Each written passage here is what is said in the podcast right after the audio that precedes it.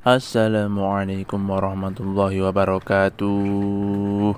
Selamat malam teman-teman. Ya gimana kabar kalian hari ini? Baik kan? Baik dong. Baiklah. Kita harus tetap bahagia Walaupun di atas gencaran-gencaran beban-beban dalam hidup kita Ya kan? Oke. Terima kasih untuk kalian yang gak sengaja kepencet terus mendengarkan suara saya wish wish wish wish wish.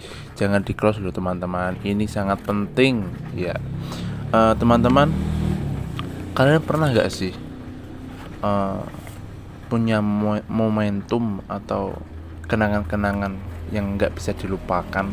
Kayak kita pas waktu kecil kita bercanda sama ayah kita atau ibu kita atau kakak kita. Atau uh, ketika kita diajak orang tua kita pergi ke suatu tempat yang menyenangkan. Sehingga itu berkesan sampai sekarang dan tidak bisa dilupakan. Terkadang kita memikirkannya wah bahagia sekali.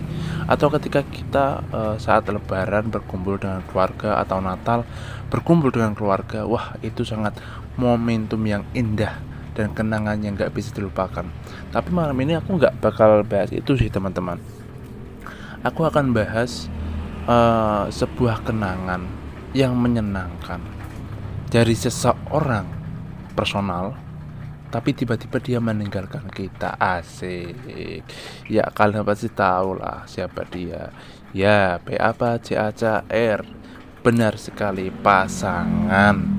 Ya kita sering kali uh, mendapat sebuah pasangan yang wah kita sangat cinta sama dia tapi tiba-tiba uh, dia meninggalkan kita. Padahal dia bilangnya aku tuh cinta sekali sama kamu aku cinta mati sama kamu. Eh tiba-tiba dia menghilang dan memilih orang lain. Kita sebagai orang yang tulus ya asik tulus. Kita sebagai orang yang tulus.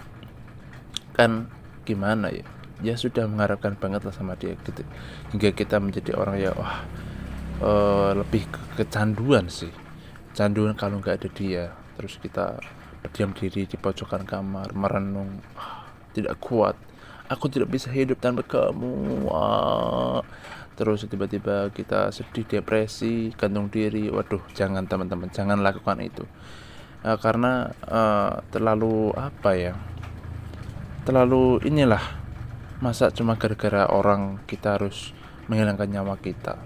Padahal kan dia bahagia kita sedih. Ah, kan nggak apa ya? Lebih baik daripada uh, kita sedih dia senang kita juga senang dong. Iya kan? Iya dong. Iyalah masa enggak? Oke. Langsung intinya saja uh, uh, aku akan memberikan gimana kalian uh, pasti ada orang yang punya kenangan yang ingin dilupakan. Karena kenangan yang sedih seperti itu kan. Ah aku nggak ingin mengingat dia. Supaya kita bisa melanjutkan hidup. Ah itu gampang sekali teman-teman. Kalian datang ke orang yang tepat dan saya tadi sudah Google searching cara mengatasi kenangan.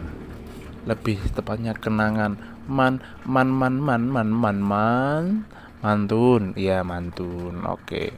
Cara mengatasi kenangan mantan atau cara mengatasi kenangan? Ah, saya tadi sudah searching loh. Cara mengatasi kenangan. Itu ada enam cara teman-teman. Caranya adalah satu membersihkan saluran air. Saluran atau drainase yang macet bisa melahirkan beragam masalah. Air bisa meluap lalu menyebabkan banjir dan juga genangan. Dua, tidak membuang sampah sembarangan. Membuang sampah sembarangan bisa pula menjadi penyebab kenangan. Tiga, perbaiki komposisi tanah. Eh, eh, eh, dulu tunggu, tunggu, tunggu, tunggu. Ini mah bukan cara mengatasi kenangan, tapi cara mengatasi genangan. Iya, duh, duh, duh, duh. Gak serius teman-teman, serius. Gimana ya? Cara mengatasi kenangan. Kalau orang motivator pasti jawabnya akan gini. Kita hapus kontaknya. Kita lupakan dia. Kita pergi ke hal-hal yang lebih positif. Kita gerakan tubuh kita ke yang positif. Ya, ya benar sih. Cuman itu lebih ke gimana ya? Langkah awalnya, aduh, susah lah untuk menjelaskan. Ngomong gampang, tapi kan untuk berbuatnya itu yang susah, ya kan? Ya kalau menurut saya teman-teman Cara mengatasi kenangan Gak ada. Karena apa? Kenangan itu ya emang udah udah ada dalam diri kita dan sudah terekam. Kita nggak bisa menghilangkannya kita tidak bisa menghapusnya. Tapi yang bisa kita lakukan adalah kita mengurangi potensi kenangan tersebut yang menyakitkan loh ya agar tidak bisa uh, apa ya seperti perasaan ini itu nggak sama sama perasaan kemarin. Kalau yang dulu sakit banget tapi ketika sekarang itu sudah biasa. Dan kita mengurangi itu kita mengurangi potensi kesakitan dalam kenangan kita. Ah itu maksudnya. Eh, dan gimana kita caranya bisa mengurangi itu? Ya kalau menurut saya teman-teman ini ini dari saya. Uh, lebih ke langkah pertama adalah kita berbicara dengan orang lain atau dengan uh, siapa pun itulah. Tapi e, bicara itu nggak harus kita berdialog. Bicara itu kita bisa menulis. Kita menulis sebuah buku. Lebih ke curhat sih curhat. Tapi kan curhatnya ke tulisan. Itu juga efektif teman-teman.